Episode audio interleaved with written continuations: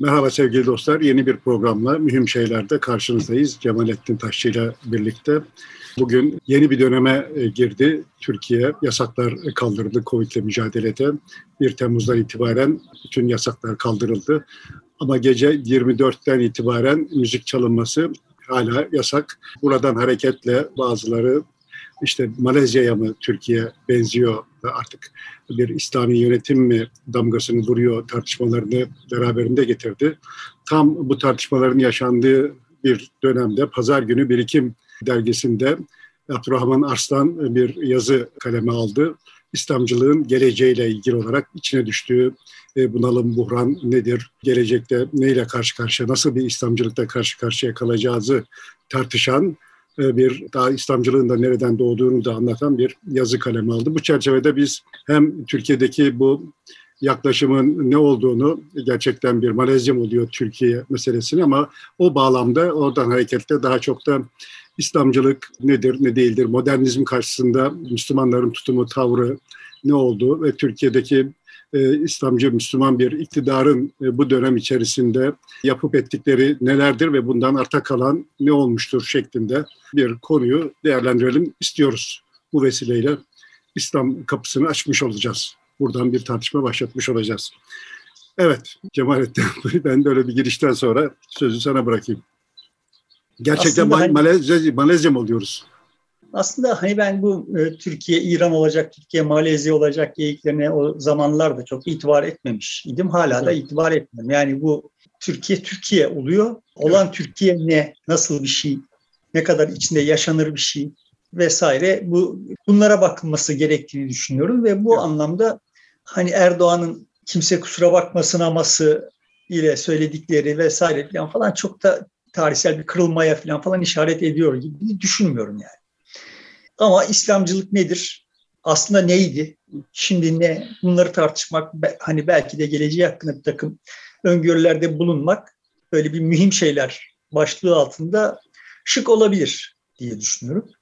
Buna da hani Abdullah Aslan'ın yaptığı söyleşiyi baz almak enteresan olabilir. Yani isteyen bir kimin internet sitesinden söyleşiye ulaşabilir. Anlaşılan o ki Abdurrahman Aslan bunu birkaç yıl önce birileri talep etmiş. Onlarla yapmış bu söyleşiyi ve fakat birkaç onlar, ay önce. Birkaç ay önce. Ha, birkaç ay önce evet. Yani Onlar bunu yayınlamamışlar. Evet. O da bir kime yollamış doğru anladım sen mevzuyu. Evet. İşin hakçası hani o soruları ben sormuş olsaydım ve o cevapları almış olsaydım ben de yayınlamazdım. Çünkü böyle çok defansif, çok e, muhtevasız ama böyle çok bol retorikli üç cümleyle söylenecek şeyleri sayfalarca yazmış falan. Dolayısıyla ama bu mühim, aslında... mühim şeyler söylüyor edasında çok kavramsal, çok teolojik, çok sosyolojik bir yaklaşımı var. İslamcılığın e, bir buçuk asır önce modernitenin karşısında bir savunma, Müslümanların bir savunma mekanizması ve ideolojisi olarak ortaya çıktığından bugüne kadarki serüvenini ele alan bir değerlendirme yazmış oluyor. İlk bakışta çok mühim şeylerden söz ettiği kanaati uyanıyor herkeste. Ya da en azından bende mühim şeyler söylüyor zaten de bunları böyle çok retorikle boğmuş. Yani aslında ama hani o söylediği mühim şeyleri şöyle özetleyebiliriz.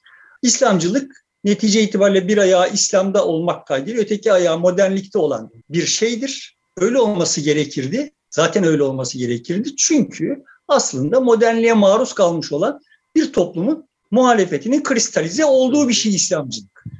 Dolayısıyla işte karşımızdaki şey o dönem itibariyle baktığımız zaman dinden başka elimizde bir malzeme yoktu. Yani modernliğe maruz kalanların hiçbir kalan hiçbir toplumun elinde dinden başka bir şey yoktu ve ilaveten de zaten modernliğin kendisi de bir dindir.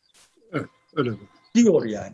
Bütün söylediği o kadar kabarık kabarık laflarla söylediği şey aslında bundan ibaret ve burada bir İslamcılığı müdafaa ruh durumu var ki yani olabilir tabii yani adam kendisi İslamcıdır ve İslamcılığın müdafaa ama böyle hem ciddi komplekslerle malul olarak malul olduğunu ortaya çıkaracak şekilde bunları söylemiş olması çok trajik yani halinin trajik olduğunu gösteriyor. Bu aslında İslamcılığın halinin trajik olmasından kaynaklanıyor diye düşünüyorum. Orada diyor ki işte biz evet yeterince kafa yormadık. Yeterince geniş bir perspektiften de bakmadık. Yani biz çok Türkiye'nin içinden baktık mevzuya ama aslında bu sadece bizim başımıza gelen bir şey değil işte Budistlerin ve Şintoistlerin de başına geldi ve onlar da Budizmin, Şintoizmin içinden bu reaksiyonları ürettiler. Sonra da o Budizmin, Şintoizmin yani oradaki yuvarlaması çok bana makul gelmedi ama yap, dediği şey Budizmin, Şintoizmin arkasındaki pagan gelenekler sebebiyle iyi kötü bir adaptasyon imkanı buldu ve fakat e, işte İslam bunu yapamadı. Katoliklik ve Musevilik de aslında benzer reaksiyonları gösterdi. Onlar sürdüremediler, yenildiler. Evet yani uyum sağladı diyor Musevilik ve Hristiyanlık için ama çok küçük bir kısmı hala muhalefetliğini sürdürüyor diyor az bir, toplum kesim olarak. Musevilikte Aslında ve Hristiyanlıkta. Ben söyleyeyim. Katolisizm ve Musevilik evet. yenildi yani. Sonuçta ama İslam yenilmedi ve hala direniyor. Ve bundan sonra da direnmeyi sürdürecektir yeni şartlara göre diyor ama arkasında yani içinde de şu var. Biz sadece hikayeyi Türkiye'nin içinden okumakla dünyanın benzer bir e, olaya nasıl reaksiyon gösterdiğine gözlerimizi kapatmakla zaten üstümüze düşeni yapmamışız. E şimdi üstümüze düşeni yapmıyoruz. Dolayısıyla niye süre, sürecek olsun bu iş? Yani eğer üstüne düşeni yapmıyorsan, eğer doğru dürüst adam yetiştiremiyorsan, doğru dürüst tahliller yapamıyorsan sonuçta yenilirsin yani. Bence buraları filan değerli ama yani işte dediğim gibi bu kadar bu kadar cümleyle söylenebilir bir şey ve bu kadar da çok aşağılık kompleksine girmeden de söylenebilir bir şey. Böyle defansa çekilmeden de söylenebilir bir şey. Hem İslamcı olup hem de bu kadar defansa çekilmeyebilirsin ama işte dediğim gibi böyle ama e, zaten ben, İslamcılığın bir defansif mesele olduğunu baştan söylüyor. Bir savunma e, olduğunu kabul ediyor zaten. Oradan bakarak söylüyor. Evet, İslamcılığın defansif pozisyonu ile Abdurrahman Aslan'ın defansı farklı şeyler. Yani bir eziklik var yani. Evet. Yani bir, bir barikat kurma e, kaygısı yok da bir eziklik var. Yani durmadan bir kendisini meşrulaştırma, açıklama ihtiyacı hissediyor. Dolayısıyla da işte o da diline yansımış ve çok kalabalık yani. Ama ana hatlar itibariyle şimdi yine oradan başlayarak, onun söyleşisinden başlayarak aslında çünkü o tavır, o üslup, o dil bütün İslamcılarda yaygın olarak var olan bir şey olmasa da o ruh durumu hemen hemen hepsinde var ve o kavramlaştırma hepsinde var. Esas mühimi bu. Yani o kavramlaştırma derken kastettiğim ne? Bize taarruz etti modernlik, bilhassa bize taarruz etti ve biz buna karşı direniyoruz. Şimdi böyle bir yani İslam'ı koruyarak aslında biz buna karşı direniyoruz. Şimdi İslamcılar hemen hemen tamam. Bazı, bazı kesimler de buna ayak uyduruyorlar. İşte neoliberalizm anlayışıyla, iktisat anlayışıyla, yönetim anlayışıyla oraya ayak uydurmaya çalışanlar da var diyor. Bir kısmını da belirtiyor. Yani. O artık İslamcılıktan çıktı diyor. Bitiyor, yani evet. oraya oraya uyum sağlayan zaten direnmekten vazgeçti. Vazgeç. Anlaşılan o ki mevcut iktidarı da adını koymadan bu paketin içine yerleştiriyor. Ve fakat hani böylece kendisini bu iktidar suçlarından da arıtıyor. Ve fakat işte orada bir İslamcılık var ve o İslamcılık özü itibariyle modernliğin taarruzuna, modernliğin bilhassa İslam'a taarruzuna direnç gösteriyor olan bir şey. İslamcıların genel, genel kanaati bu. Abd e, Abdurrahman Aslan'ın buraya e, eklediği e, orijinal şey diyor bu sadece İslam'ın başına gelen bir şey değil, herkesin başına geldi. Çünkü dediği şey şu, çünkü modernlik özü itibariyle bir dindir ve de kendisini dayatan bir dindir. Temelde benim açımdan da üzerinde tartışılması, tartışılmaya değer olan hususlar bu önermeler yani. Benim açımdan da aydınlanma bir dindir. Modernlik aydınlanmanın hayat bulduğu şeydir. Bizim modernlik dediğimiz şey odur. Ve hani seninle defalarca daha önce de konuştuk. Yani aydınlanma bir dindir. Dolayısıyla modernlik de hani bir din, bir, bir din olarak tarif edilebilir. Bu konuda Aslan'a katılıyorum. Çok yıllar öncesinden beri bunu söyleye gelmiş birisi olarak katılıyorum yani. İslamcılık İslam'dan farklı bir şey olarak modernlikle İslam'ın etkileşimi içinden zuhur etmiş olan bir şey. Yani bunu da Aslan da böyle koyuyor, böyle anlıyor. Bir ayağı modernlikte derken kastettiği şey bu. Dolayısıyla demek ki bu süreçte İslam'ın değişmiş olması gerekiyor. Yani daha doğrusu İslamcılığın İslam'dan farklı bir şey olması gerekiyor ve evet öyle zaten. İslamcılık İslam'dan farklı bir şey. Yani çünkü birçok Müslüman var İslamcı değiller dünyanın muhtelif yerlerinde. Bazı Müslümanlar var İslamcılar yani. Şimdi İslamcılıkla buralar, siyasal İslam kavramını da birleştiriyor. Paralel olarak kullanıyor. Bence de öyledir. Evet. Aralarında nüanslar varsa belli olaylara reaksiyon gösterirken yaşanan farklılıklardan kaynaklanıyordur. E, taktik farklılıklardan kaynaklanıyordur ama özü itibariyle ikisi aynı şey yani. Başka türlüsünün olması imkansız bir şey. Şimdi burada neye katılmadığımı önce söyleyeyim. Öyle bir hikaye anlatılıyor ki genel olarak. Aslan 2'de de e, bu var. Öyle bir hikaye anlatılıyor ki böyle Batı'da, Batı Avrupa'da hani biz geçen e, hafta konuştuk işte Batı'nın batısı dediğimiz bölgede yani bir yeni din zuhur ediyor ve bu yeni din sanki öyle bir şey ki o dinin hayat bulduğu coğrafyadaki herkes tarafından aa tamam işte ne güzel yeni bir din bulduk diye kabul edilmiş ve sonra da yani bir peygamberi var bu dinin ve bu sonra da bu din dünyanın dört bir tarafına kendisini yaymak için taarruz etmiş gibi bir hikaye anlatılıyor yani. Yani dininizi terk edin, beni kabul edin diye taarruz etmiş. Şimdi hikayenin bu tarafının gerçekliği hiçbir alakası yok. Hiç yani. Zerre kadar bir alakası yok. Yeni bir din mi? Yeni bir din. Peygamberi olmayan anonim bir din. Bir rahipler heyeti olan, aydınlanmacılar dediğimiz insanlardan müteşekkil bir rahipler heyeti olan bir yeni din, bir dünya tasavvuru, bir bilme biçimi vesaire olarak yeni bir din yani. Ve fakat kimseye beni kabul edin falan falan dememiş. Aksine son derece kibirli bir biçimde bu din size göre değil demiş. Yani siz bir süre sonra yani kendisini idrak ettiği zaman artık yani bu zaten beyaz, üstün insanın dini olabilir. Hristiyanlık ve Müslümanlık gibi ekmenik bir iddiası yok. Seçkinci bir iddiası var. Yahudilik gibi yani. Bu, bu bizim dinimiz kardeşim. Siz isteseniz bile buna intisap edemezsiniz demiş. Yani Başından o, dahil olmak istiyorsanız da şu şu şu şu şartları yerine getirmeniz gerekiyor diye yerine getirilmesi neredeyse imkansız bir sürü şey e, ortaya koymuş. O koymadı ya bak tekrar söylüyorum. Onu da biz koymuşuz. Ona uymaya çalışanlar. Şimdi hikaye şöyle yani orada bir din zuhur etmiş. Bu din aniden dünyaya hükmetmeye başlamış. Yani daha doğrusu o dinin sahipleri, o dinin mucitleri diyelim. Dünyaya hükmetmeye başlamışlar. Hükmederlerken Orta Amerika'ya gittiklerinde Orta Amerikalılara sizin dininiz yanlış, doğru din budur dememişler. Onları yok etmişler yani. Kim yani hiçbirisine kendi dinlerini öğretmeye falan filan kalkmamışlar. Yani koltukların altına İncil'le gitmişler. Çünkü işte aslanın atladığı şey burada yani. O din, o dinin ortaya çıktığı yerlerde bile baskın olarak, yaygın olarak kabul edilmiş bir din değil yani. Yani işte hani orada Katolisizm direndi, Yahudilik direndi falan falan diyor ya. Evet yani direndi ve hala direniyor. Ama sonuçta şimdi geçen hafta bunu söylemeye çalıştım. Yani ihmal ettiğimiz temel husus şu. Modernlik dediğimiz hal modernleşmiş olanlar içinde yepyeni bir haldi. O aslan diyor ki o güne kadar toplumlar karşı karşıya kaldı, geldiklerinde nispi olarak eşit şartlarda karşı karşıya geliyorlardı. Modernlik kendisini dayatarak geldi. Öyle bir şey olmadı. Şöyle bir hikaye, hikayeyi şöyle özetleyebilirim yani. Eskiden kuralları belli bir oyun oynanıyordu. Futbol gibi bir şey düşün. Tamam mı? Yani belli periyotlarla toplumlar birbirine temas ediyorlardı. Birilerinin sarı forması vardı, birilerinin mavi forması vardı. Oyunun kuralları belliydi. Yenen yeniyordu, yenilen yeniliyordu vesaire. Sonra herkes kendi evine çekiliyordu. Sonra yine bir vesileyle temas ediyorlardı vesaire. Olay böyle gelişiyordu. Oyunun kuralları belliydi ve herkes futbol oynuyordu. Batı Avrupa'da birdenbire aniden basketbol diye bir oyun çıktı. Yani şimdi herkes futbol oynamayı sürdürürken küçük bir azınlık başka bir oyun oynamaya başladı. Oyun başka yani aynı alanda oynanmıyor ve bu Batı Avrupalılar için de yeni bir oyun. Yani o, oyunu icat etmiş olan toplumların geniş kesimleri için de yeni bir oyun yani.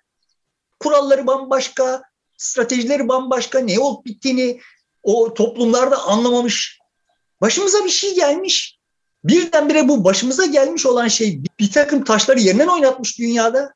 Ama kimse bu başımıza gelen kimse yani onu icat etmiş olanlar, o oyunu icat etmiş olanlar da dahil hiç kimse bu oyunun ne manaya geliyor olduğunu anlamamış. Yepyeni bir şeyle karşılaşmışız yani. Kimse de bu oyunu, bak biz burada yeni bir oyun bulduk. Bu oyun da güzel, daha zevkli. Gelin bundan sonra futbol oynayalım, basketbol oynayalım falan filan dememiş. Basketbol oynayıp sürmüşler. Yavaş yavaş o coğrafyada insanların bir bölümü o basketbol oyunundan ciddi bir ekonomik kazanç elde edildiği için futbol oynamak ve seyretmek yerine basketbol oynamayı ve seyretmeyi tercih etmişler. Birileri de ama olur mu canım bizim işte bir tane eski oyunumuz vardı o ne güzeldi biz onu biliyorduk falan filan diye işte Vatikan'da şurada burada direnmişler yani bunu. Ama o toplumda tekrarlamak pahasına söylüyorum o toplumda tıpkı Türkiye'deki toplum gibi yani bu başımıza gelen şey ne? Biz bununla nasıl baş edeceğiz ve bunun şartlarında nasıl yaşayacağız diye ciddi duygusal, entelektüel sıkıntılar çekmiş. Anlaştık değil mi? Yeni bir şey bu. Herkes için yeni. Bunu icat edenler böyle onların burada sıkıntımız şu. Bunu icat etmiş olanların özlerinde, geçmişlerinde, bir yerlerde bir şeyler, bir takım kıymetler var da o yüzden bu ortaya çıkmış ve bu kıymetli falan falan deyip bu hikayeyi üretmiş olanlar çok sonradan üretiyorlar. Batı başarılı olduktan sonra, çok sonra biz neden başarılı olduk sorusuna cevap vermek için böyle işte antik Yunan'dan vesaireden filan falan dandik dundik deliller Avrupalılara üstünlük vermeden biyolojik bir takım şeyler filan falan gibi yani 40 tane faktör ortaya koyuyorlar. Bunların bir kısmı dolaşımda kalıyor, bir kısmı elimine oluyor, gidiyor ama yani bir biçimde niye başarılı olduklarını açıklamaları gerekiyor. Basketbolun niye başarılı olduğunu. Bizim gibi toplumlarda niye geri olduklarını açıklamak için gerekçeler buluyor. Ve bu gerekçeleri de kendinde aramak yerine başkalarında aramayı tercih ediyor. Bizim gibi toplumlar bununla karşı karşıya temas ettiklerinde şimdi burada tarihsel olarak şunu da söylemek gerekiyor. Sonuçta o sözünü ettiğim basketbolu icat eden toplumlar aslında son derece izole. Dünyanın bir köşesinde Avrupa'da, Kuzey Avrupa'da izole. Yani mesela Çin'le, Hint'le, efendime söyleyeyim zaten ortada Amerikalar yok. Onlar hakkında bir şey bilmiyoruz yani. Dünyanın başka yerleriyle teması olmayan, arada böyle blok olarak Osmanlı ve Rusya var ve bu mesela İran'la bile doğru dürüst temasları yok yani. Bu basketbolu icat ettiklerinde İran'la bile doğru dürüst temasları yok. Bir Osmanlı ile temasları var, Müslümanlarla temasları var. Katolisizmle temasları var çünkü içinden çıkmışlar. Ortodoks ile temasları var Rusya üzerinden. Ama yani sonuçta dünyanın de, devasa bir bölgesiyle İran, Hint ve Çin'le temasları yok. Böyle bakacak olursan Osmanlı bunların tamamıyla teması olan, öyle veya böyle teması olan, çok daha ciddi tecrübeleri olan bir topluluk, bir toplum. Ama şimdi biz zaten hep karşı karşıya geldiğimiz bir toplum karşımızdaki. Ama şimdi gidiyoruz bir gün futbol oynamaya, yenileceğiz, yenileceğiz falan falan ve karşımızda kimse yok. Öteki tarafta birileri elle basket topuyla yere vurup duruyor filan. Şimdi önce ciddiye almıyorsun. Gülüyorsun, söylüyorsun veya işte orada çoluk çocuk birileri futbol oynamaya gelmiş oradan oynuyorsun, gidiyorsun falan falan. Ama sonra birdenbire onlar şık şıkıdım giyinmeye başlamışlar. İşte zengin olmuşlar. Etraflarında güzel kızlar toplanmış falan yani. Şimdi bir dakika bizim başımıza bir şey geldiği böyle fark ediyorsun. Sen şimdi niye bu hale geldiğini açıklamak zorundasın ve açıklarken birileri oradan tercüme ediyor. Niye siz bu hale geldiniz? Çünkü siz zaten iflah olmaz bir topluluksunuz. Niye bu hale geldiniz? Çünkü sizin dininiz din değil. Niye bu hale geldiniz? Çünkü siz çok yavaşsınız, değişime direniyorsunuz vesaire falan. Şimdi böyle bir takım geyik, hiçbir manası olmayan, tarihsel hiçbir şey olmayan, temeli olmayan hikayeler uydurmuş ve onları tercüme ediyorsun. Bir yandan. Bir yandan da bu tercümelere itibar etmeyen sahiden deve dişi gibi düşünürlerin var, insanların var yani. Bunlar da oturuyorlar. Biz bu hale geldik, neden geldik falan falan bu tür şeylerle kafa yoruyor iseler de esas meseleleri biz bu halden nasıl kurtuluruz? Elimizdeki neyle biz bu oyunda, yeni oyunda hayatta kalabiliriz. Şimdi buna kafa yoruyorlar. Bütün bir 19. yüzyıla baktığın zaman Osmanlı'nın 19. yüzyılına orada bunları görüyorsun yani neyimiz var bizim bu yeni oyunda hayatta kalmamızı sağlayabilir olan. Oradaki derin tefekkür vesaire filan falan devre dışı kalmış. Pratik bir takım şeyler hayata geçmiş ve ana hatları itibariyle geride o hem Türkiye'nin hikayesinde hem de aydınlanmada defalarca konuştuğumuz gibi yani Türkiye'de din bu süreçte temel muhalif barikat hattı olarak temayüz etmiş. Zamanla yükselmiş yani. O da neden olmuş? Çünkü Türkiye'yi bu yeni oyuna adapte etmek üzere soyulmuş olanlar kendilerince çok ham hayaller kurmuşlar. İşte bir takım küçük düzeltmelerle kendilerinin de bu oyuna entegre olabileceğini düşünmüşler. Ama olmamış, olmayınca olmamasına, kendi başarısızlıklarına sebep olarak dini göstermişler. O yüzden de barikat attı. İslam üzerinden kurulmuş yani. Ama şimdi Şintoizmin de başına bu gelmiş. Evet çünkü yani tekrar söylüyorum ana hatları itibariyle din dışı bir bilme biçimi yok. Herkesin ihmal ettiği şey şu. 17. yüzyıla kadar tırnak içinde işte bilim dediğimiz, o zamanlar bilim kavramı yok ama yani düşünce dediğimiz hadise, üniversitelerde yürütülüyor olan faaliyet dünyanın her yerinde, Batı Avrupa'da dahil, dünyanın her yerinde öz itibariyle kutsal kitapların, kutsal metinlerin yorumu üzerinden yapılıyor. Burada benden gizlenmiş, şifrelenmiş olan şey ne? Yani çünkü bu kitabı yollayan Tanrı her şeyini biliyor. Dolayısıyla onun kelamı üzerinden ben bunu analiz edersem benden saklanmış olan bir şeyi bulurum. Bilgiyi bulurum. Tefekkür ve düşüncenin arkasındaki esas şey bu zaten. Bilme biçimi bu. Yani dünyanın her yerinde bu. Şimdi birileri başka bir bilme biçimiyle geliyor. Ve o başka bilme biçimi zaten onlar için de yeni. Tekrar bunu vurguluyorum. Herkesi sancıtıyor ya. Herkesin canını yakıyor o. Onu bulanların da canını yakıyor yani. Herkesin canını yakıyor. Senin de canını yakıyor. Ama sen şimdi burada o yeni Başta... bilme biçimi eski var olan inancını da e, bir kenara atmıyor. Onu da kabul ederek devam ediyor. Galiba. Yani onunla çatışmıyor. Yani Hristiyanlıkta çatışmadan o yeni bilme biçimine giriyor. Çatışıyor. İnkar etmiyor. Yani benim ha, hani inkar etmiyor. Hep evet, sev... çatışıyor tabii karşı karşıya. Sevdiğim, hep sevdiğim misal Faust. Yani işte hep söylüyorum aynı şeyi. Sonuçta Faust Allah'a inkar etmeden ona isyan ediyor yani. Diyor ki ben senin yolladığın, yazdığın metinler üzerinden bunu yeniden yeniden yorumlayarak yol almaktan vazgeçtim. Şimdi artık oturacağım. Ben tabiatla yani veba nereden kaynaklanıyor? Vebayı nasıl yenebilirim vesaire üzerinden tabiatla dönüşeceğim. Bilginin kaynağını tabiatta, gerçeklikte yani aramaya başlıyor. Ve bu haliyle farklı bir din. Bunlar yani burada, burada mutabıkız Aslan'la ve herkes. Farklı bir din yani. Ama bu, bu farklı din onu icat edenler için de farklı bir din. Ve din değiştirmenin acısını netice itibariyle onlar da çekiyorlar yani. Böyle o dinin kökleri bir biçimde o toplumların bilmem hangi özelliklerinde zaten varmış da o tarihte zuhur etmiş falan falan gibi akıl yürütmeler absürt ve bizi bu bu çok fena halde ırgalıyor. Başımızı derde sokuyor yani. Onlarda bir özellik var, bizde yok. Vah vah tüh tüh. Zaten bu toplum adam olmaza işte böyle geliniyor. Halbuki hikaye başka bir. Bunlar bunlar hep böyle olur. yani sonuçta İsa'ya inananlar yeni bir din için bir yıl acı çekiyor iken Roma İmparatorluğu'nun muhtelif yerlerinde muzaffer olan Roma idi ve işte sonuçta geniş bir coğrafyaya hükmediyor idi. Sonuç ve acayip acayip tanrılara tapıyordu. Yani hükmetmekle doğru olanı tercih etmiş olmak arasında öyle ciddi bir korelasyon yok. Pekala yanlış olanı tercih ettiğin halde yani absürt olanı diyelim hatta yanlış olan değil yani. Absürt bir takım inançların olduğu halde muzaffer olabilirsin. Ve yeni bir din ortaya çıktığı zaman da o absürt o, o absürtten çıkmış olmaz yani işte başlar sondan sonra bir toplu iğnenin başına kaç tane melek sığar falan filan gibi absürt tartışmaları yapabilirsin Hristiyanlığın içinden de. Yani absürtlük her yerde mümkün bir şey ve her yerde de zaten zor etmiş olan bir şey.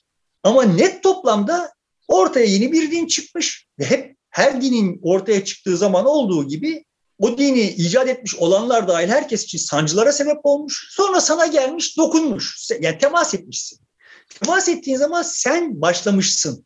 Ya ben bu oyunun dışında kalıyorum, kalmamam gerekiyor. Kalmamak için ne yapmam lazım? Kimse sana gel aydınlanmacı ol, modern ol falan filan dememiş. Senin modern olabileceğine ihtimal vermiyorlar o tarihte. Böyle bize durmadan taarruz eden bir batı hikayesi ne itiraz ediyorum yani Aslan'da da. Tamam mı? Bize taarruz falan etmediler. Anladım orasını. Peki batıdaki bu yeni düşünce biçimine geçiş gerçekleştiği de sancılı da olsa mesela Osmanlı'da niye gerçekleşmedi?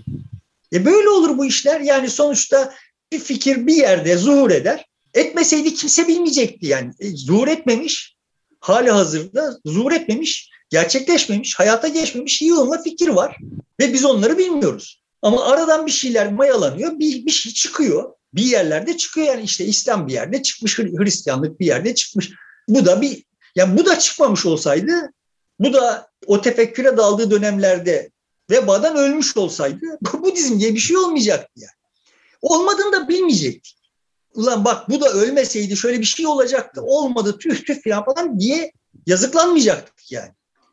Bu da o tarihlerde şu tecrübelerden değil de bu tecrübelerden geçmiş olsaydı öğretileri şimdikinden şöyle farklı olacaktı ve Budizm öyle bir şey olacaktı. Burada olan şey de öyle bir şey yani. Ama burada şimdi tekrar e, vurgulama ihtiyacı hissettiğim şey şu. Kimse bizim aydınlanmacı ve modern olmamızı falan falan talep etmedi. Zaten olabileceğimize ihtimal vermiyorlardı. Şu misali vereyim de hoşa gitmesin yani. Şimdi bu modernliğin esas aktörlerinden olan Almanlar İkinci Dünya Savaşı'nda Ruslarla anlaşarak başladılar savaşa. Sonra Ruslara saldırdılar ve ellerinde Amerikalı, Fransız, İngiliz esirler gibi Rus esirler de vardı. Almanların Amerikalı esirlere, İngiliz esirlere davranışı ile Rus esirlere davranışı arasında bariz bir fark var. Buradakiler düşmanları. Buradakiler iflah olmaz alt tür. Tamam mı? Böyle hani Ruslara taarruz ettiler de onların dinini değiştirmeye çalıştılar falan. Böyle bir şey yok yani. Olmadı. Ruslar kendi kendilerine hem de bak Almanların bu aşağıladıkları Ruslar hangi Ruslar? Alman hayranlığı nedeniyle birkaç nesil önceki şeyleri, imparatorları işte kurduğu şehre Petersburg adını veriyor. Yani Petergrad adını vermiyor. Kendi dillerinden kaynaklanan bir şey. O kadar Alman hayranı bir imparatorun dönüştürdüğü, Büyük Petro dediğimiz Petro'nun dönüştürdüğü, Avrupalılaştırmaya çalıştığı Rusları kategorik olarak kendi oyunlarının bir parçası olarak görmüyorlar. Bizi de öyle yani. Sadece paylaşılabilir bir şeyiz biz. Dünyanın hakimi onlar. Dünyanın hakim olmayı hak etmiş bir medeniyet. Dünya onların malı ve paylaşacaklar. Bizi paylaşacaklar. Hikayeleri bu. Buradan şimdi vay bana taarruz ettiler. Benim dinimi değiştirmeye çalışıyorlar. Hikayeleri üreten sensin. Japonları, Çinlileri, Türkleri, İranlıları, Afrikalıları, Orta Amerikalıları adama saymıyorlar. Şimdi bu taarruza, bu paylaşma kaygısıyla yapılan taarruza yani bizim üzerimizde hak sahibi oldukları zannıyla, iddiasıyla yapılan taarruza verdiğin cevap senin İslam barikatı üzerinden oluyor. Ama şimdi ne oluyor? Yani nasıl bir şey oluyor? Ben bana çocukken öğretilmiş olan İslam'dan hani doğru İslam odur, benim bana öğretilmiş olandır filan falan gibi bir iddiam yok. Gerçek İslam şudur, şu değildir filan gibi bütün tartışmaları absürt buluyorum.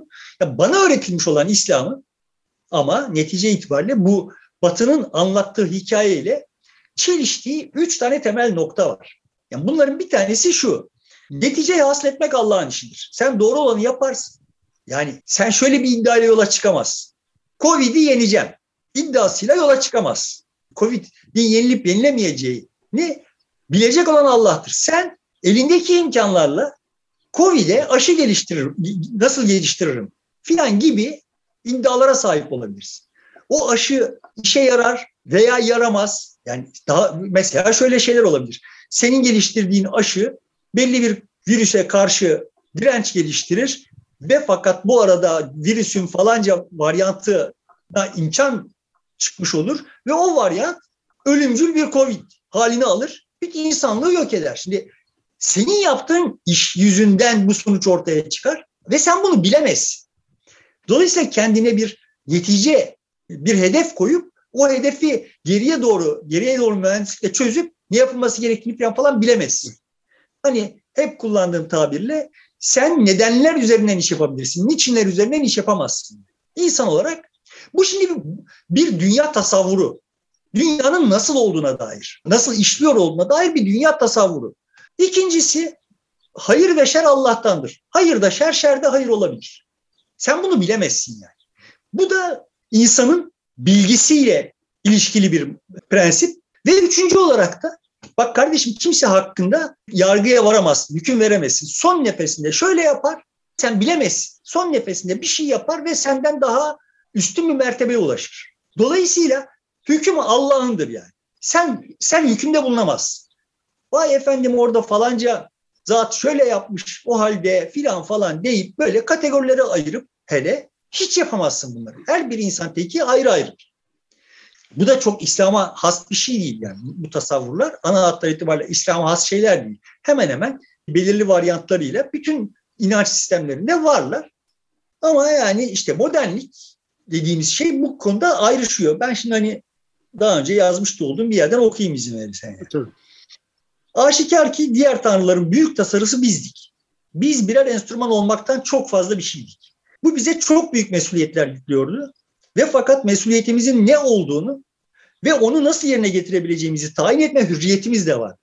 Kaldı ki daha önceki tanrıların hiçbiri her birimizi diğerinin aynı, biri diğeri tarafından ikame edilebilir neferler olarak da tarif etmiş değil. Halbuki Weber'in belirgin bir burtlukla önlenemez biçimde yaygınlaşacağını öne sürdüğü bürokraside yani modernliğin organizasyon anlayışında herkes bir başkası tarafından ikame edilebilirdir. İnsana bağımlı olmak modern organizasyonlar için en katlanılmaz haldir. Hatta kendisine bağımlı olan insanlar için bile. Şimdi modernlik teknik olarak insanı degrade eden bir şey. Öyle bir değil. İnsanın üstünde bir takım organizasyonları, mesela ulus devletleri ve bir takım büyük hikayeleri, mesela Fransızlığı, Fransa devletini veya bilimi veya sosyalizmi, işçi sınıfını, daha büyük bir takım hikayeleri, hikayeler için insanları teker teker harcanabilir şeyler olarak gören bir anlayış yani. Daha önce de savaşlar oluyor ve insanlar ölüyor idi vesaire falan ama ana motivasyon o savaşlar sonucunda elde edilecek yağmaydı yani. Yüksek bir risk alıyorsun. Beklenen değeri yanlış hesaplamışsan işte ölüp gidiyorsun ama sonuçta e, ana hatları itibariyle bu büyük hikayeleri büyük hikayeler için insanın kendisini feda etme sini vesaireyi bize modernlik öğret. Ondan öncesindeki savaşlarda böyle Viyana kuşatmasında işte Allah Allah Allah Allah diye bağırıp koşanlar veya İstanbul işte en iyi bildiğimiz bilebildiğimiz kadarıyla en iyi bildiğimiz İstanbul'un fethi ve o çok böyle peygamber tarafından müjdelenmiş olduğu söylenen ordu yağmaya izin vermediği sürece Mehmet girmiyor. Pek de öyle peygamber ordusu olmayı önemsemiş gibi görünmüyor yani. Anlatamıyorum derdimi zannediyorum. Sonuçta ondan önceki savaşlarla sonraki savaşlar arasında ciddi bir fark var. Yani Birinci Dünya Savaşı'nda Alman ve Fransızlar cephede karşı karşıya gelip bilmem kaç ay kilitlenmiş bir e, oyunu oynuyor iken oradaki insanların hiçbirisinin yağma gibi bir ümidi yok. Onlar neferdiler. Evet, siper savaşıydı onun genel olarak adı. Siperlerde yapılıyordu, bekleniyordu. Evet. Onlar neferdiler. Yani sonuçta büyük bir hikaye uğruna ortaya sürülmüş piyondular yani. Büyük hikayeleri olan insanlar var. Şimdi modernlik budur. Bu anlamda farklı. Bize şimdi İslamcılıktan kalan şeye bakalım. İslamcılık şimdi bize, İslamcılar, bu İslamcılar içinde ister şimdi Aslan'ın İslamcı olarak yola çıkıp İslamcılıktan saptı dediği mevcut iktidar olsun. ister Aslan'ın kendisi olsun. Bize netice üzerinden yani sen doğru olanı yap, neticeyi hasıl eden Allah'tır gibi bir serinlikle konuşabiliyorlar mı? Konuşamıyorlar. Yani modernliğin bu konudaki dünya tasavvurunu satın almışlar. Üstüne hayır ve şer Allah'tandır. Hayırda şer, şerde hayır vardır filan falan kabul ediyorlar mı? Etmiyorlar. Ayırmışlar dünyayı. Kendileri hayır, kendileri gibi olmayan herkes şer. Öyle mi? Bunda, burada da modernliği satın almışlar, modernliğin kavrayışını. Ve sonuçta herkes hakkında hükümde bulunuyorlar mı? Kestirmeden. Vay onun şurası şöyle, bunun burası böyle filan falan diye öbür dünyada verileceğine inanıyor inanılıyordu olan hükümleri bu dünyada ve kendileri veriyorlar mı? Şimdi benim başından itibaren bu İslamcılarla temelde anlaşamadığım hususların başına bunlar geliyor. Ya bunlardan vazgeçtikten sonra geriye kalan İslam başörtüsü, beş vakit namaz, minare, biraz daha cami, biraz daha minare, sonra biraz daha cami, biraz daha budur yani. Ve bununla mücadele edebileceğin bir hasım değil karşındaki. Ya, yani karşındaki hasım bilme biçimlerinden bilmem nerelere kadar dünyayı tepeden tırnağa değiştirmiş. Sen şimdi onun bütün bu hususlarını takliden almışsın, onu da anlayamamışsın, kavramamışsın yani. Bir şey nüfuz etmiş sana. Yani şimdi oturup mesela şunu yapmıyorsun. Dünya nasıl bir şey, hangi sıkıntıları çekiyor, demografi nereye doğru gidiyor, bu neden oluyor vesaire falan gibi konulara kafa yorup bunlara Müslümanca, zaten Müslümanlık sende var. Ekstra böyle bir de Müslümancalık araman gerekmiyor. Bunlara çözüm aramaya çalışan birisi değilsin. Nasıl birisisin? Dünyada olup bitenlerin, problemlerin falan falan hiçbir zaman Müslümanlığın problemi nedir ve ben bunu nasıl çözerim? Senin nesnen haline gelmiş İslam. Ve bütün Müslümanlar da bunun neferi olması gerekiyor bu mücadelenin. Dünyaya böyle bakıyorsun. Ya adam orada ben Müslümanları nasıl helak ederim falan falan gibi dertleri yok. Ben modern birisi olarak modernliğin problemleri nasıl çözerim falan diye bakmıyor. Adam Covid'i nasıl çözerim diye bakıyor. İşte çevre problemleri nasıl çözerim diye bakıyor. Filan yani dünyanın problemlerine modern gözle bakıyor. Müslümanlıkta dünyaya böyle bakıyor olduğu dönemde dünya için bir felah kapısıydı. Öyle dünya nüfusunun bilmem yüzde kaçını Müslüman yaparken, e, Müslüman olurken o insanlar böyle hepsi kılıç soruyla olmadı yani. daha müreffeh bir hayat, daha mantıklı bir dünya tasavvuru vesaire filan falan olduğu için oldu. Sen bunu yaratamadan böyle İslamiyeti bir e, senin nesnen haline getirip teşrif masasına İslamiyeti yatırıp falan falan yapabileceğin bir şey yok ama işte bu İslamcılar böyle bir mastürbasyonun peşindeler. Şimdi Arslan'ın Arslan orada şöyle bir şey de iddia ediyor. Abdurrahman söylüyor daha doğrusu. İslamcılığın geleceği biraz da gelecek kuşakların İslam'a bakışıyla ilgilidir diyor. İşte haramdan uzaklaşıp helale yakınlaşmayı mı tercih edecek yoksa e, başka şeylerin peşinde mi gidecek şeklinde de bir ayrımı var. Öyle de bir değerlendirmesi gerekiyor. Şimdiden bir şey biçmiyor ama gelecek kuşakların İslam'ı nasıl anlayacaklarına bağlı diye de bir açık kapı bırakıyor. İşte şimdi böyle itikat mertebesinde değil yani konuşuluyor olan şey. Davranış mertebesinde. O zaman da e, haramdan uzaklaşmak, helale yaklaşmak, işte başını örtmek vesaire filan falan gibi mevzulara giriyor yani. Tamam Müslümanlığı böyle buraya indirgemek zorunda kalıyorsun. Çünkü ötekisinden zaten vazgeçmişsin. Yani dünyanın nasıl bir şey olduğu hakkındaki tasavvurundan vazgeçmişsin. Alemin nasıl bir alem olduğu, Allah'ın nasıl bir özne olduğu vesaire filan falan gibi temel varsayımlarından vazgeçmişsin zaten. Zaten onları onlarda batılısın. Batılı olduğun için İslamcısın yani. Onlar da yoksa zaten ötekiler Müslüman. Onlar İslamcı değiller, Müslümanlar yani. Onların kendi tasavvurları hala aynı tasavvur ve biz onlara Müslüman diyoruz. Ama sen İslamcısın çünkü işte Müslümanlığı şuralarını budayıp atmışsın. İsmet Özel olmuşsun. Şimdi dünyayı böyle siyah beyaz tasnif etmişsin. İnsanlar hakkında hüküm yağdırıyorsun ve hedef koyarak insanları seferber etmeye çalışıyorsun. Şimdi sen İslamcısın işte yani. Halbuki belki doğru dürüst Müslüman olmaya çalışıyor olsaydı neyse o Müslümanlık belki Müslümanlık ve İslam bu hale düşmeyecekti yani. Bilmiyorum yani onları da bilemem. Burada esas mesele şu. Orada Şimdi, da o şey ayrımını yapıyor işte İslamcılık İslam'dan ayrıdır, İslam Müslümanlıktan ayrıdır. İşte o aralarındaki farklılıklar da var diye bir değerlendirmesi de var orada Mustafa Arslan'ın. Abdurrahman Var yani işte diyor yani. İslamcılığın bir ayağı İslam'da bir ayağı modernliktedir diyor yani. Modernlikle karşı karşıya kaldığımız zaman icat ettiğimiz bir şey diyor yani. Tamam ben de diyorum ki işte evet bu haliyle katılıyoruz ama burada modernlikten aldığınız şeyler nelerse bunlar sizi zaten sakatladı. İşin daha vahim tarafı da var yani. Bir de o modernliğin o tasavvuru hani orada postmodern postmodern deyip geçip duruyor. Aslında içinde yaşıyor olduğumuz ve adını koyamıyor olduğumuz yeni bir din zuhur ediyor. Yani şimdi bir de modernlik de bitti yani. Hani biz hala modernlikle dövüşüyoruz. Gerçi o da söylüyor onu modernlik bitti diyor. İma ediyor ama sonuçta biz şimdi hala modernlikle dövüşüyoruz böyle absürt bir biçimde ama modernlik de bitti. O bahsi diğer. Şimdi temel sıkıntımız bizim biz yani düşün şimdi Aa, İslamcılar. Aslında bahsi, bahsi diğer değil. Asıl mesele o. Yepyeni bir şey geliyor ve onun karşısında İslam, Müslümanlık ne yapacak? Nasıl bir e, tutum alacak, tavır alacak? Aslında önümüzdeki süreci Tabii muhtemelen en önemli unsurlardan bir olacak. O konuda işte şimdi şuradan bakabiliriz yani. Buraya nasıl geldikten yola çıkarak buradan sonra nasıl gideceğimize bir ışık tutabiliriz. Ya işte bu İslamcı dediklerinin en çok dillerine doladıkları adam kim? Necip Fazıl. Necip Fazıl kim? Kumarbaz birisi. Kumar borçlarını ödemek için her yola gelmiş. Sonra para kazanmak için kestirme bir çözüm bulmuş. Böyle batı karşısında yeniklik ki içine sindiremeyen insanların hassasiyetlerini istismar etmek için bir yığın abuk sabuk retorik icat etmiş birisi yani.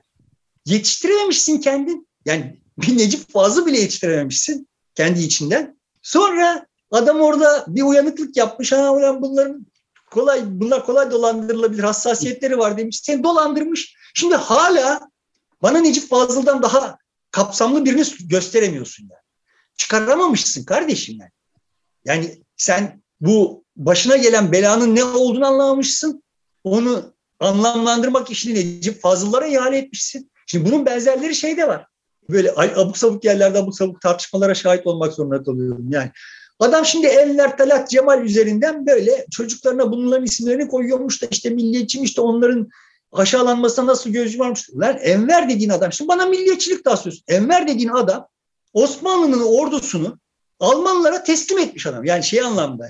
Yani genel kurmayını, bütün kurmay heyetini, bütün ordu komutanlıklarını Almanlara vermiş adam. Ya ya bu bir cinnet hali yani. Şimdi Enver bunu yapabilir mi? Yapabilir cinnet geçirmeden. Yani Enver'in aklıyla bu. Ama şimdi bunu yapmış olan adamı bana kendisini milliyetçi olarak gören birileri milliyetçiliğin işte azizlerinden olarak pazarlıyor. Ya bu nasıl bir cinnet halidir? Hakikaten akıl alacak şey değil. Sonrasında ne oluyor?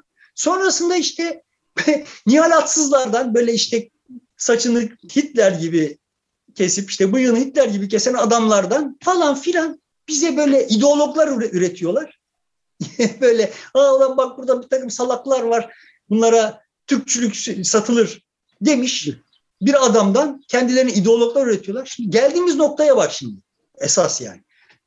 Şimdi bunlar işte milliyetçiliğin e, şeyi sahibi Bahçeli, devlet, adı devlet, efendim mesela çok devletçi bunlar, devlet e, ebed müddet ve sonra bunların desteklediği, bunların iktidara getirdiği adam Amerika'da ya da pardon Avrupa'da Amerika'nın başkanıyla görüşüyor, yanında devlet memuru yok. Yani orada ne konuşuluyor olduğunu devlet bilmiyor yani. Bana şimdi bunlar hem Bahçeli'yi hem devleti hem de Erdoğan'ı orada tutmayı meşrulaştırıyor ve bütün bunlar devlet üzerinden yapıyorlar. Ya bak sonuçta Enver gibi azizlerin, Nihalatsız gibi ideologların, Devlet Bahçeli gibi siyasetçilerin var ise ve zaten buradan bir şey çıkmaz kardeşim. Yani buradan bir şey çıkmasını hayal etmek absürt yani. Çıkartamamışsın ve çıkartamıyorsun. Peki Yarın niye, dünya... niye bunlar çıkıyor da gerçekten fikir sahibi olabilecek yeni başka isimler çıkamıyor? Bunun zemini mi yok ya da hadi ben de başkaları gibi diyeyim batıdaki insanlar özel olarak uğraşıp o tür insanların çıkmasına engel mi oluyor? Ya bu sonuçta daha önce konuştuk. Yani şimdi Osmanlı döneminde hani Bernard Louis'in tabiriyle konuşuyoruz. Karlofçayı yaptığı zaman diyor Osmanlı Türkler sonuçta şunu sordular. Nerede yanlış yaptık? Karlofçayı yapmak zorunda kaldıklarında nerede yanlış yaptık diye sordular. Normal şartlarda o tür topluluklar yani yenilmiş olan topluluklar bunu bize kim yaptı diye sorardı. Şimdi normal şartlarıdır. İşin normalidir sahiden. Bunu bize kim yaptı diye sormak işin normalidir. Orada ayırıcı bir özellik var. Ve bu özelliği kaybettik. Zaman içinde kaybettik. Çünkü evet canımız yanıyor. 300 yıldır canımız yanıyor yani. 150 yıldır bu can yanmasını görmezden gelecek durumda değiliz. Ve aramızdan da bir takım serin birilerini çıkaramadık. Çıkardıklarımızı devlet imha etti. Yani arada böyle bir dakika kardeşim ya şunu bir ah, esasıyla aslıyla bir tartışalım. Yani adamın kafasındaki şeyler yanlış olabilir. Ön yargılar olabilir mesela. Ama yani sonuçta bunu serin olarak konuşmanın imkanlarını devlet ortadan kaldırdı yani. Kim varsa, kim bir şey söylediyse devletin kendi sınırlı modernleşme projesinin ucundan bir yerinden biraz sapma gösteren kim varsa sosyalisti, Müslümanı, milliyetçisi akla kim geliyorsa bu topraklarda 100 yıldır imha ediyoruz. Yani şimdi gak diyen gidiyor yani. Hala öyle değil mi? Evet, farklı düşünenin evet. hayat hakkı olmadığı bir dönemler yaşıyoruz. Dolayısıyla işte or- oradan işte Necip Fazıllar, e, Nihalatsızlar işte ha şimdiki pespayilikler falan falan çıkar. Yani iktidarla ilişkileri üzerinden bir takım pozisyonlar alabiliyor olan kim varsa hangi sahtekarlıkları yürütebiliyor olanlar var ya daha doğrusu sahtekarlığı yürütme kabiliyeti olanlar orada işte Uğur Dündar olur, e, Yılmaz Özdil olur. Sonra onlar birbirine düşer filan falan yani. Ama ana hatları itibariyle oyun böyle olur. Sen ortada serbestçe birilerinin tartışmasını vesaire falan imkansızlaştırırsan olay buraya gider. Bu bir o, siyasal organizasyon problemi yani. Toplumun toplumla ilgili bir şey değil. Ve bu siyasal organizasyon problemini de Türkiye giderek derinleştirdi. Yani 1980'de iyi kötü 1950'den itibaren bir bir şeyleri şekle sok, sokabiliyor gibi idi. 1980'le yeter lan bu kadar dediler. Ve işte bu 2016 ile birlikte zaten son şanslarımızı da ortadan kaldırdık. Şimdi buradan Malezya olur mu Türkiye? Ya, Malezya falan, falan olamaz yani. Ya, ya herhangi bir şey olamaz burada. Biz 50'lerde Amerika olmaya çalışıyorduk. İtalya'yı geçmeye çalışıyorduk 70'lerde. Olmuyor bu işler. Dillerini hedef aldığında. Buradan sonrasına bakacak olursak eğer evet. bir adam çıkaramazsan aslında başımıza gelenin ne menen bir şey olduğu konusunda daha serin kanlı. Ben hani kendi blogumda zaman yazmıyorum. Türkiye çok sıcak diye. Her meseleyi bu kadar sıcaklaştırırsan ele gelmez, avuca gelmez bir şekilde getirirse o meseleler seni yakar. Onları serinle, her meseleyi serinletmek gerekiyor yani. Serin bakış açıları gerekiyor ve bu serin bakış açılarını üretebileceğin organizasyonlara ihtiyacın var. Ama sen şimdi kazara üniversitelerden zaten hadım edilmiş ama yetmez. Bir ihtimal yine de oradan bir şey çıkabilir deyip başına memurun olarak bir takım rektörlüğe atayarak orada işte belli dernekleri, belli kurumlar her şeyi böyle eline geçirerek her şeyi çok sıcak tutmayı sürdürdüğün sürece buradan insan çıkmaz. İnsan çıkmayınca da sen yeni gelmiş olan, yeni gelmekte olan dünyanın dünyayı kavramakta zorluk çekersin. Şimdi bu yeni gelmekte olan dünya çok şematik tabiriyle söyleyeyim. Bu küresel bir dünya. Bunu modernlikten ayırt eden temel hususiyeti küreselliği. Yani modernliğin temel siyasi organizasyonu olan ulus devlete karşı bir şey bu. Şimdi bunu serin kanlı bir şey tartışamıyoruz. Küreselleşme dediğin anda birilerinin tüyleri diken diken oluyor. Bay, bayrak, vatan falan. Ya kardeşim sonuçta bak bu bayrak, vatan filan beni dünyada saygıdeğer bir insan olarak yaşatmak iddiasıyla var olan şeylerdir. Benim onları yaşatmak yaşatmak gibi bir mükellefiyetim yok yani. Ben niye bayrağa, e, bayrağa saygı duyuyorum? Çünkü o bayrağa saygı duyan insanlarla birlikte ortak bir menfaatimiz olduğu varsayımına sahibim ve o bayrak, bayrağın bir menfaati yok yani. Menfaat bizim menfaatimiz. Bu menfaat illa maddi bir menfaat değil. Zaten genellikle maddi bir menfaat değil. Ben buradan Kapıkule'den çıktığım zaman itibar görmek istiyorum. Bulgaristan'da itibar görmek istiyorum. Avusturya'da itibar görmek istiyorum. Almanya'da itibar görmek istiyorum. Finlandiya'da itibar görmek istiyorum. Yani şimdi burada Türk bayrağı olmak kaydıyla itibar görmek istiyorum. Şimdi bana bunu sağlamıyor isen bayrağın, bayrağın kendi başına bir itibarı yok yani. Ama yani küreselleşme dediğin senin o bayrakla ilişkini vesaireyi falan falan çözmek zorunda da değil. Sen hala o bayrakla yine duygulanabilirsin. Yine işte o bayrakla bir şeyler yapılabilir. Ama artık küresel bir dünyada yaşıyoruz. Bunları senin kanlı bir şey tartışamıyorsun. Çünkü herkes modern olduğu için herkes siyah beyaz bir dünya görüyor ve herkes şıp diye birilerini hain olarak etiketliyor. Sen küresellik ettiğin anda hain oluyorsun. Bir dakika dur bakalım sen ne anlıyorsun küresellikten demiyor kimse yani. Sıkıntı şu. Sonuçta modernliğin icadı olan, modernliği taşımış olan ulus devletler çözülüyorlar. Modernliğin icadı olan bütün büyük hikayeler çözülüyorlar, dağılıyorlar. Milliyetçilikler dağılıyor. Yani işte hani sen bugün aslında onu konuşalım demiştin. Ya Fransa'da seçim oluyor. iki tane kutup var. Bu kutupların ikisi birden kaybediyor. Çünkü işte İngiltere'de olan oluyor. Çünkü işte Hollanda'da olan oluyor. Çünkü millet yetti sizin bu büyük hikayelerinizden diyor yani. Bir dakika serinleyin bakalım. Efendi gibi başka bir şey bulmamız gerekiyor. Burada deniyor yani. Dolayısıyla evet yeni bir din zuhur ediyor ve bu yeni dinde bir Müslüman olarak senin söyleyebileceğin çok şey vardı Türkiye'den. Çünkü senin modernlik tarafından imha edilmiş ama yanlışlanmamış varsayımların yani alemin nasıllığı hakkında, insanlar arası ilişkilerin nasıllığı hakkında. E şimdi sonuçta bu yeni dinin şeylerinden bir tanesi şu değil mi? Yani beyaz çocuklar Amerika'da siyah gençlerin hakkını korumak için kendilerini öne atabiliyorlar filan falan. Yani insanları şu veya bu biçimde insanlar hakkında hüküm verilmesine, önceden hüküm verilmesine, sonradan hüküm verilmesine karşı bir şey var yani. Bir hassasiyet var. teker teker insanlar ehemmiyet kazanıyor yani. Artık beni bir organizasyonun içinde tamam bu giderse yerine gelen falanca onun işini tam olarak aynen yapabilir. Organizasyonu ona göre kurmamız gerekiyor anlayışıyla bir şey yaptığın zaman oraya çaresiz insanlar dışında kimseyi işe alamıyorsun. Herkes kendisi hayatına, işine vesaireye damgasını vurmak istiyor. Öyle değil mi? Yani eskiden şimdi sizin gazetelerde olaylar nasıl yürüyor idi? Celal arıza yaparsa atarız. Onun yerine zaten ona benzer birisi gelir ve gazetenin genel, genel hüviyeti değişmez. Şimdi tablo böyle değil. Şimdi ben geleceğim ve benim gelişimle bu hüviyet değişecek. Yani benim gelişim belli olacak. Şimdi dünya... arıza, çıkar, arıza çıkaracağım. Bu arıza çıkardığımda devam edecek. Onu evet. haliyle sürdüreceksin. Evet. Şimdi bu bunlar yeni dünyanın hususiyetlerinin birkaç tanesi. Ama bunlar görünüyor ki İslam'ın, Müslümanların modernliğe karşı peşteler ilk attıkları şeyler. Balon düşüyor iken ilk önce bunları attılar. Ama bunlar kıymetli bir şeylermiş yani. Şimdi yeni yükseliyor olan dinde bunlar kıymetli. Bunların üzerine kafa yorup insan üzerine kafa yorup İslamiyet üzerine değil yani.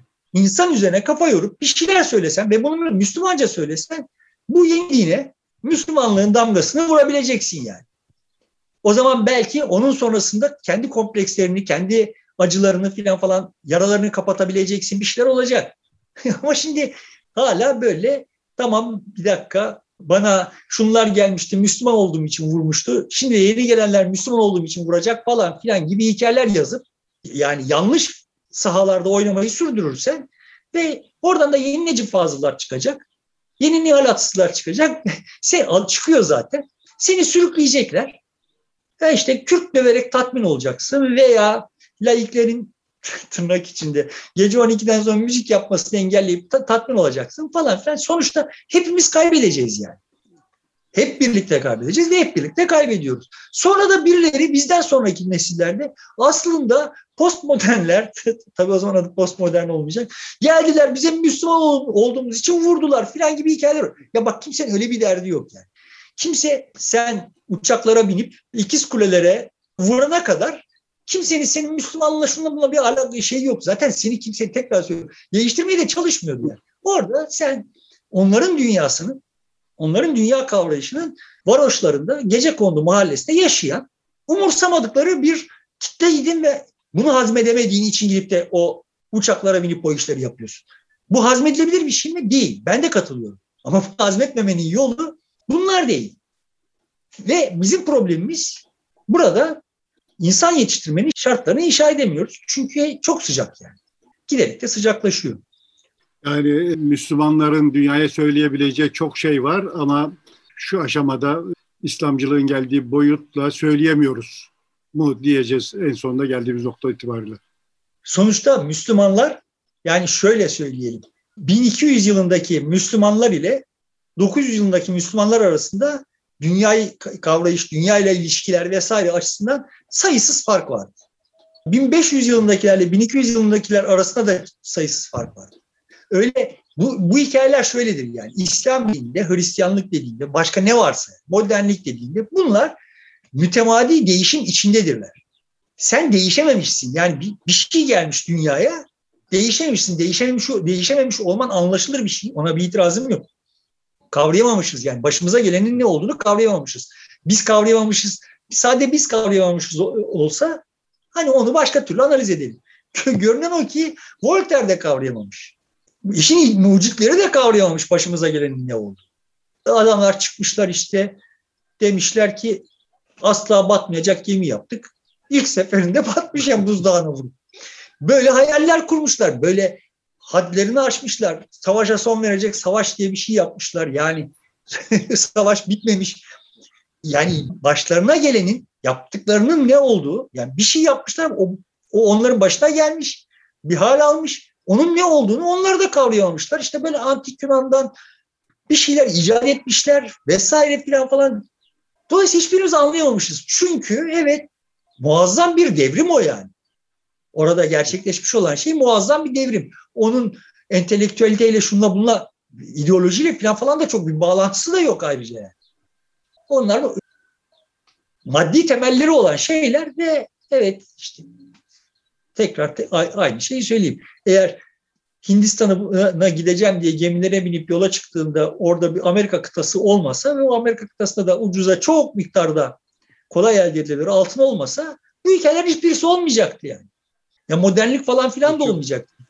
o altınlar sayesinde olmuş olan şeyleri şimdi bilmem kimin ideolojisi yani tabii ki orada o altınlar sayesinde sadece altınlar yapmadı bu iş. O altınlar sayesinde orada zenginlik arttı. Artan zenginlik sosyal organizasyon değiştirdi. O değişen sosyal organizasyonla yeni fikirler ortaya çıktı. O arada yeni denemeler ortaya çıktı. Ve oradan bir, bir zenginlik çıktı yani.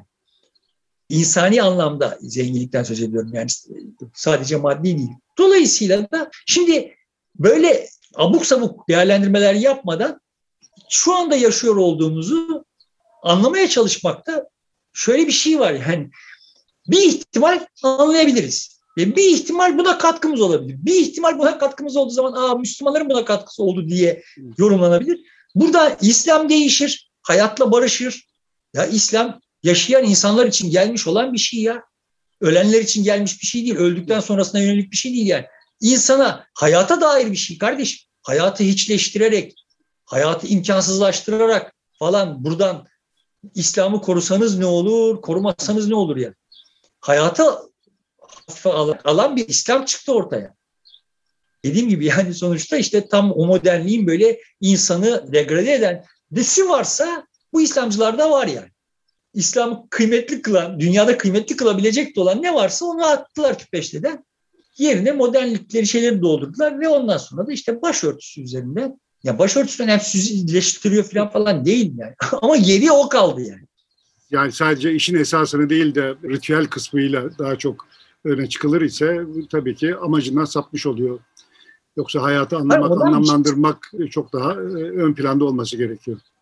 Hayır, oradan bir şey çıkmıyor. Çıksa yani sen başörtüsünü sahiplenmeyi, İslam'ı buna indirgedin ve sonra da oradan Müslümanlar için ve insanlık için bir fayda tezahür et. Olsa tamam o zaman tamam onu yapalım yani. Ama oradan bir şey çıkmıyor. Başını örten içinde, açan içinde, öttüren içinde, açtıran içinde bir şey çıkmıyor. Çıkmaz yani. Ama hayyamı çıkartmışsın. insanlığa bir şey yapmış. Şimdi bugün hala zevzek zevzek hayyam o matematiği yapmasaydı getir bakalım Macron şuradan bana şu hamburgerin hesabını deyip yukarılık yapıyorsun. Zevzek zevzek yani. Ya hayyamı çıkart. Bir tane de hayyam çıkart bakalım hadi. Ya hayyamın arkasına ta işte bin yıl önceki adamın arkasına yaslanıp da burada nefelik yapmanın alemi var mı yani? Bir tane de hayyam çıkarabiliyor musun? Çıkaramıyorsan düşün bir. Yani nerede nerede abuk sabuk bir şey var diye düşün yani. Hayyamı çıkartan medeniyet daha şimdi seni çıkarıyor. Yani hale bak yani. Orantısızlığa bak. Evet Mustafa burada bitirelim. Daha çok konuşulacak konular var. Mesela sorulardan birisi İslamcılık Türkiye'ye ne getirdi ne götürdü şeklindeydi filan ama şimdi ona girecek durumda değiliz. E, onu sonraki zamanlarda yaparız. Belki Bilal hani İslamcılık meselesinin dışında bu dünya nereye gidiyor, gidiyor. yeni dinlemenen bir şey falan falan bunları konuşurken Türkiye'nin, Türkiye'nin buraya ne nasıl adapte ol, olamıyor olduğunu falan konuşabiliriz. O sırada İslamcılıkta mesullerden bir tanesi. Yani sonuçta bizim dinlerimizin hepsi çağ dışı kalmış dinler. Yani milliyetçiliğimiz çağ dışı bir milliyetçilik, İslam'ımız çağ dışı bir İslam, modernliğimiz zaten çağ dışı, her şeyimiz çağ dışı. Yani bunların üzerine konuşabiliriz. Peki o zaman burada bitiriyoruz. Sevgili dostlar e, burada sona erdiriyoruz programı. Yeniden e, görüşmek üzere. Şimdilik e, hoşçakalın.